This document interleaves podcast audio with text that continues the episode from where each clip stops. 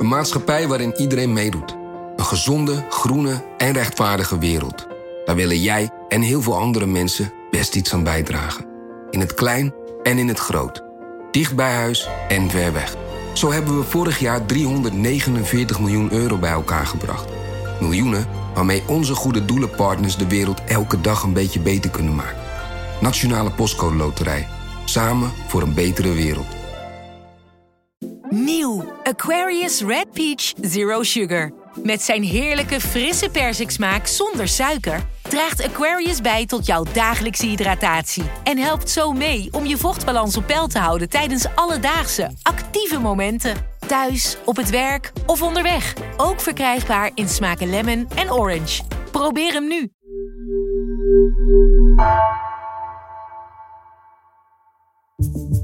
Vanaf de redactie van NRC het verhaal van vandaag.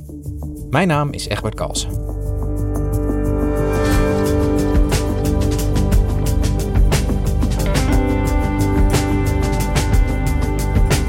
De Koninklijke Marechaussee mag etniciteit niet langer als criterium gebruiken bij het controleren van reizigers. Dat oordeelde het gerechtshof afgelopen week. Het roept de vraag op wat deze uitspraak voor andere instanties, zoals de politie, betekent, vertelt redacteur Camille Driessen. Hoe diep zit etnisch profileren in ons overheidssysteem?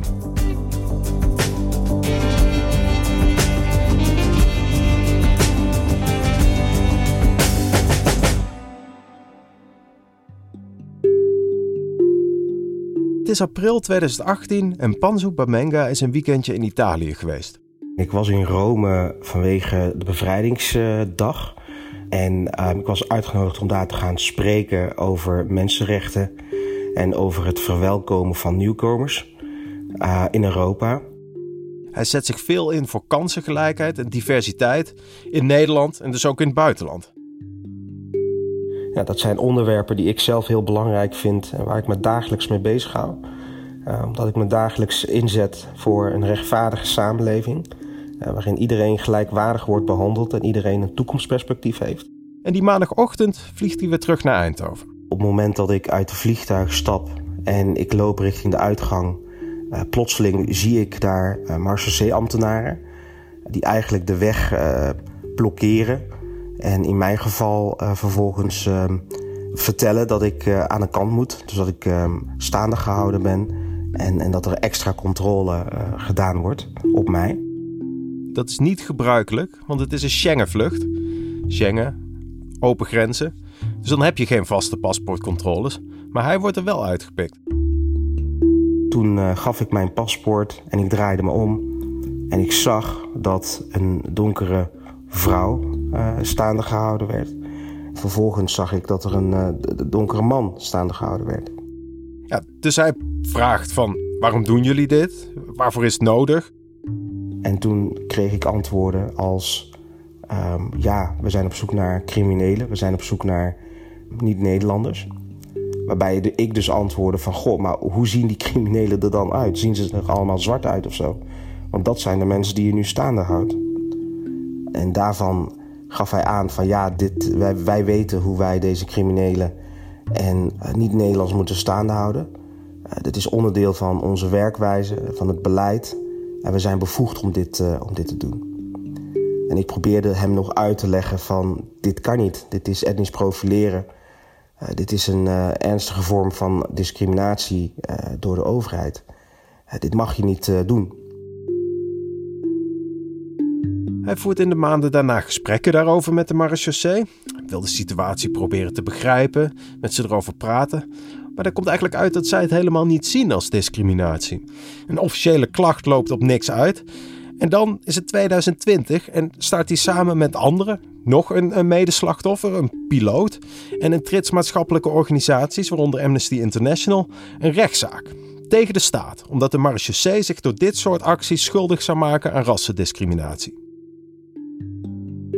En afgelopen week, na een traject van jaren, kwam er eindelijk duidelijkheid. De Koninklijke Marechaussee mag niet langer mensen bij de grens controleren op basis van hun huidskleur. Het gerechtshof in Den Haag vindt dat discriminerend. En dat is echt een keerpunt. En het roept de vraag op of dit bij andere overheidsorganisaties, zoals de politie, voor verandering gaat zorgen.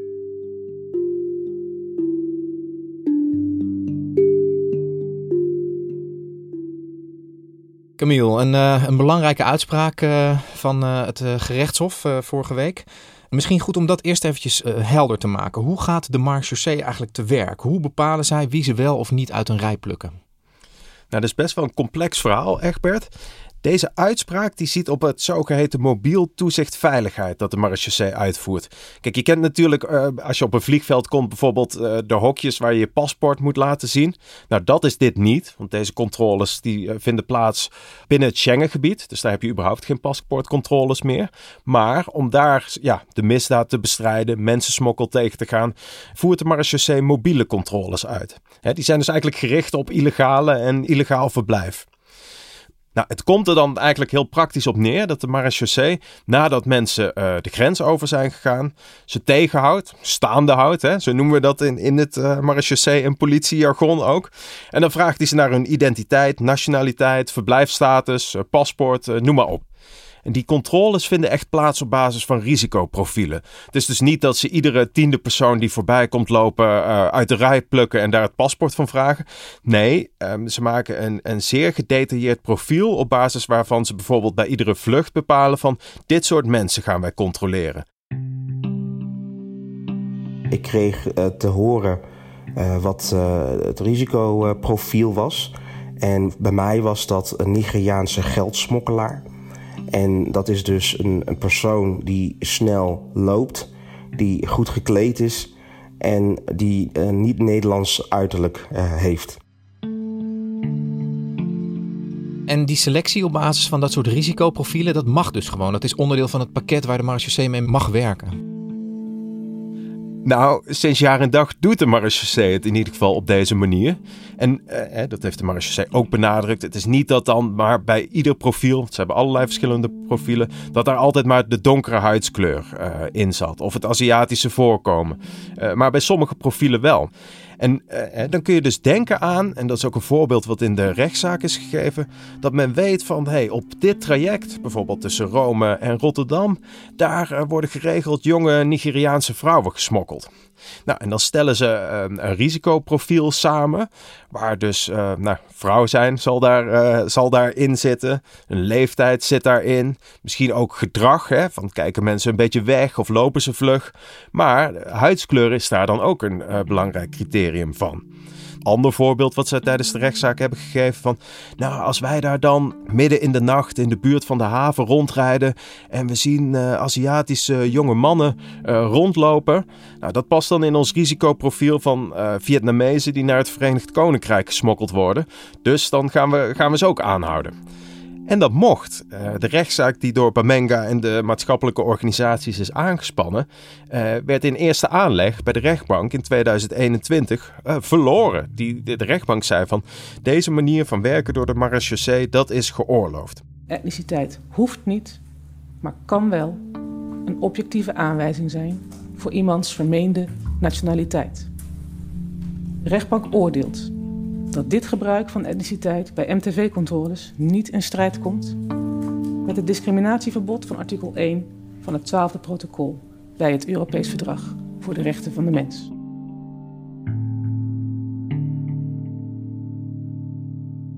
De rechtbank vond het verhaal dat uh, de landsadvocaat namens de marechaussee vertelde uh, legitiem. En dat verhaal dat komt erop neer dat uh, men zei van, nou, bijvoorbeeld huidskleur of, of ras, dat is altijd onderdeel van een breder profiel. En uh, als je het maar als een van de selectiecriteria in zo'n profiel gebruikt.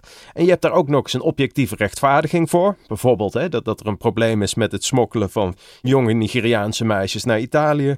Eh, en het is niet helemaal in beslissende mate dat je alleen maar donkere mensen of Aziatische mensen eruit pikt. Nou, dan kan het hè, in, in dat bredere kader. Mensen waren echt geschokt. De ombudsman reageerde. Uh, je zag dat Kamerleden reageerden.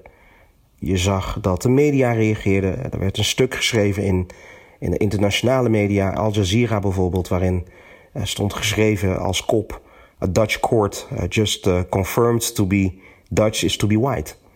En, en dat was gewoon heel pijnlijk. De rechtbank heeft dat toen niet afgeschoten. Maar de marechaussee heeft rond die rechtszaak wel gezegd van... Uh, nou, het, het mag, maar we gaan het niet meer doen. We gaan onze werkwijze herzien. Wat er gebeurde, ik meen in november 2021, is dat de marechaussee op een gegeven moment zei dat, uh, dat ze dat niet meer willen. Ze willen niet meer profileren. En dat, was natuurlijk goed nieuws om te horen. Maar ja, um, wat betekent dat precies? Op het moment dat er gezegd wordt: wij willen niet meer profileren. Maar ondertussen ligt er wel een uitspraak van de rechtbank dat um, zij mogen profileren. Hè, dus dat was voor ons in ieder geval uh, de reden om te zeggen: nee, we moeten echt in beroep gaan. Want uh, die uitspraak van de rechtbank die moet echt van tafel. Dus de marechaussee wilde zelf al stoppen met dat etnisch profileren, zeiden ze. Uh, door dat hoge beroep is er nu uiteindelijk ook die uitspraak gekomen dat ze er ook mee moeten stoppen. Wat is er dan precies veranderd? Waarom heeft het gerechtshof anders geoordeeld dan die rechtbank in eerste instantie? Het gerechtshof zegt eigenlijk heel simpel: zodra ras of etniciteit als een van de gronden voor die controles wordt gebruikt, dan is de beslissing om iemand te controleren automatisch in beslissende mate op ras gebaseerd of etniciteit en daarmee per definitie ongeoorloofd. Daar kan eigenlijk geen objectieve rechtvaardiging voor bestaan. De conclusie is dat het door de Koninklijke Marechaussee gemaakte onderscheid op grond van ras bij selectiebeslissingen in het kader van het MTV geen objectieve en redelijke rechtvaardiging bestaat. Het maken van onderscheid op basis van ras zonder objectieve en redelijke rechtvaardiging is een bijzonder ernstige vorm van discriminatie, zoals door het Mensenrechtenhof bij herhaling is benadrukt. En zij hanteren een toets, die is wat complexer dan ik uh, nu zeg. Maar het komt er eigenlijk op neer. Uh, zou diegene ook geselecteerd zijn als hij niet zwart was? Of een Aziatisch voorkomen had? En vaak is het antwoord dan nee. En daarbij uh, wijst het Haagse gerechtshof ook op de gevolgen van etnisch profileren. De gevolgen voor die persoon die iedere keer uit de rij wordt geplukt of op straat wordt tegengehouden. Ze gaan echt expliciet in, hè? Ze, ze hebben het over gevoelens van pijn en frustratie, stigmatisering bij deze mensen. Ja, het is vernederend. Het tast de menselijke waardigheid aan. Want, want eh, niemand hoort beoordeeld te worden puur op basis van zijn huidskleur. Puur op basis van elementen waar de persoon geen enkele invloed op heeft uh, gehad. En ook niet eens kan veranderen. Dus in die zin is die uitspraak echt een keerpunt. Zowel juridisch gezien, maar ook echt omdat dat maatschappelijke bewustzijn er zo in zit. Dit is, uh, is een absolute mijlpaal uh, wat je dan bereikt. En ja, toen we de rechtszaal uitliepen, uh, kon ik eigenlijk niks anders doen dan heel veel mensen knuffelen. En ehm, ja, en echt met elkaar vieren van, uh, van wat we samen bereikt hebben. Ja, echt een, uh, een keerpunt dus, deze uitspraak. Als we het nou eens wat breder trekken, Camille. Uh, etnisch profileren, dat, dat gebeurde bij de marechaussee, hè? eigenlijk in alle openheid. Maar er zijn natuurlijk veel meer Nederlandse overheidsorganisaties die hier ook mee te maken hebben. De politie wordt vaak genoemd. Hoe zit dat daar dan? De politie is denk ik eigenlijk de, de meest bekende organisatie wat betreft etnisch profileren. Al die ja, echt wel pijnlijke verhalen die je zeer geregeld hoort over uh, de Marokkaanse Nederlander of uh, de Surinaamse Nederlander die um, bij een verkeerscontrole weer aan de kant wordt gezet. Ik weet niet of je kan herinneren, maar in 2016 had je rapper Typhoon. En die werd toen in zijn nieuwe witte SUV aan de kant gezet. En die agent was in ieder geval zo eerlijk om te zeggen dat het ook met zijn donkere huidskleur uh, te maken had. Toen is een hele discussie aangezwengeld over etnisch profileren door de politie. Uh, en dat heeft best wel wat in gang gezet. En toen een jaar daarop kwam er een ja, heel nieuw handelingskader, om het maar een mooie term te gebruiken, voor politieagenten. Waarin ja, daarmee werd geprobeerd om ze wat bewuster te maken van hoe ze nou dit soort verkeerscontroles uh, moeten uitvoeren. En, en ja, dat eigenlijk etnische kenmerken, dat daar niet op geselecteerd mag worden. De, de praktijk is uh, weer barstiger, blijkt uit allerlei voorbeelden. Maar ja, het toont wel aan dat er ja, een bepaalde beweging gaande is. Maar die beweging gaat volgens ja, eigenlijk alle organisaties die ook bij deze rechtszaak tegen de marechaussee betrokken waren, lang niet ver genoeg. Ja, en, en heeft zo'n uitspraak van zo'n gerechtshof over de marechaussee dan ook impact op wat de politie mag? Ik bedoel, is de marechaussee dan een soort voorbeeldfunctie? Nou, dat was ook een van de eerste vragen die bij mij opkwam en die ik ook direct bij de korpsleiding heb neergelegd. En ja, hun eerste reactie was: uh, nee, wij, wij doen niet aan etnisch profileren.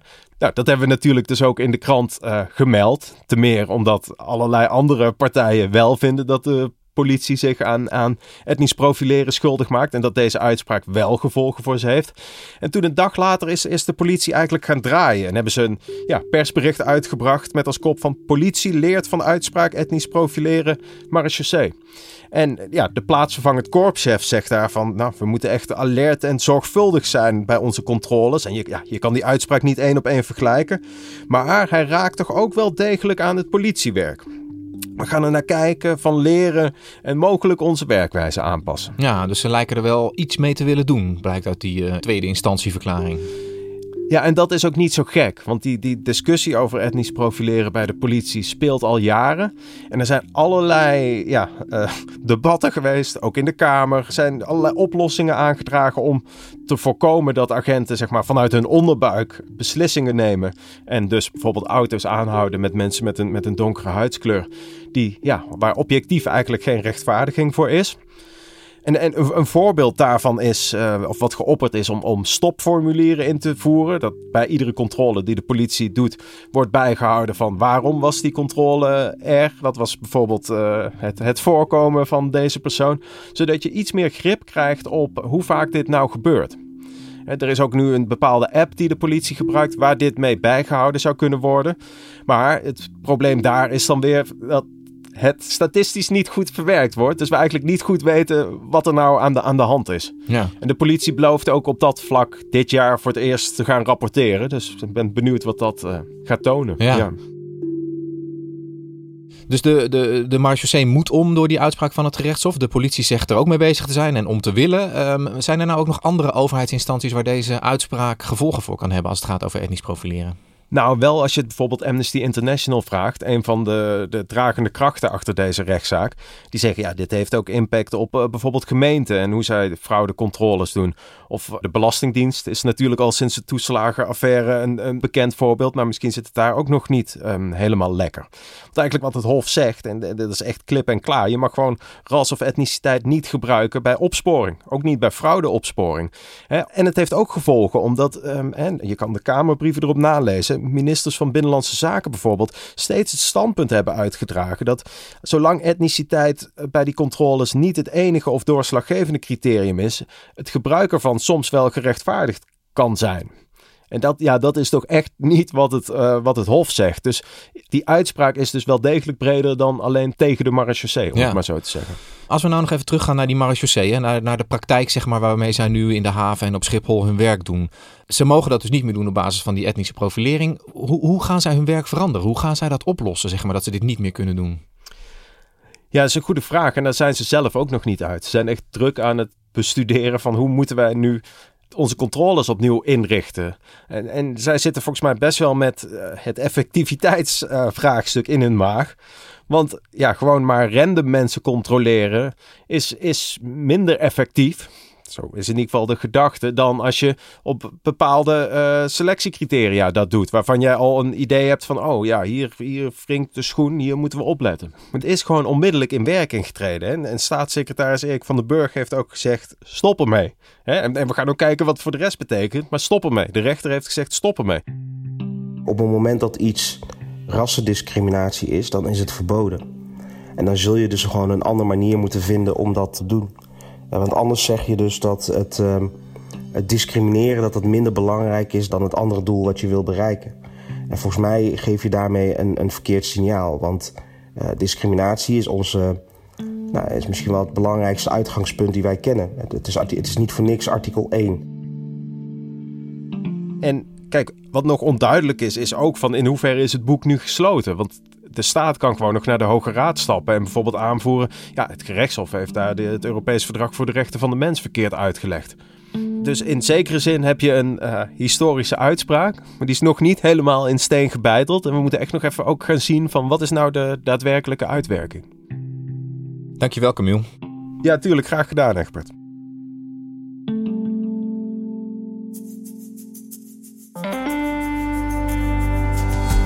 Je luisterde naar vandaag, een podcast van NRC. Eén verhaal, elke dag.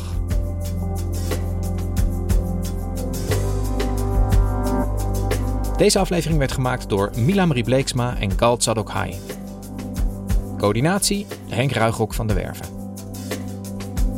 Dit was vandaag. Morgen weer.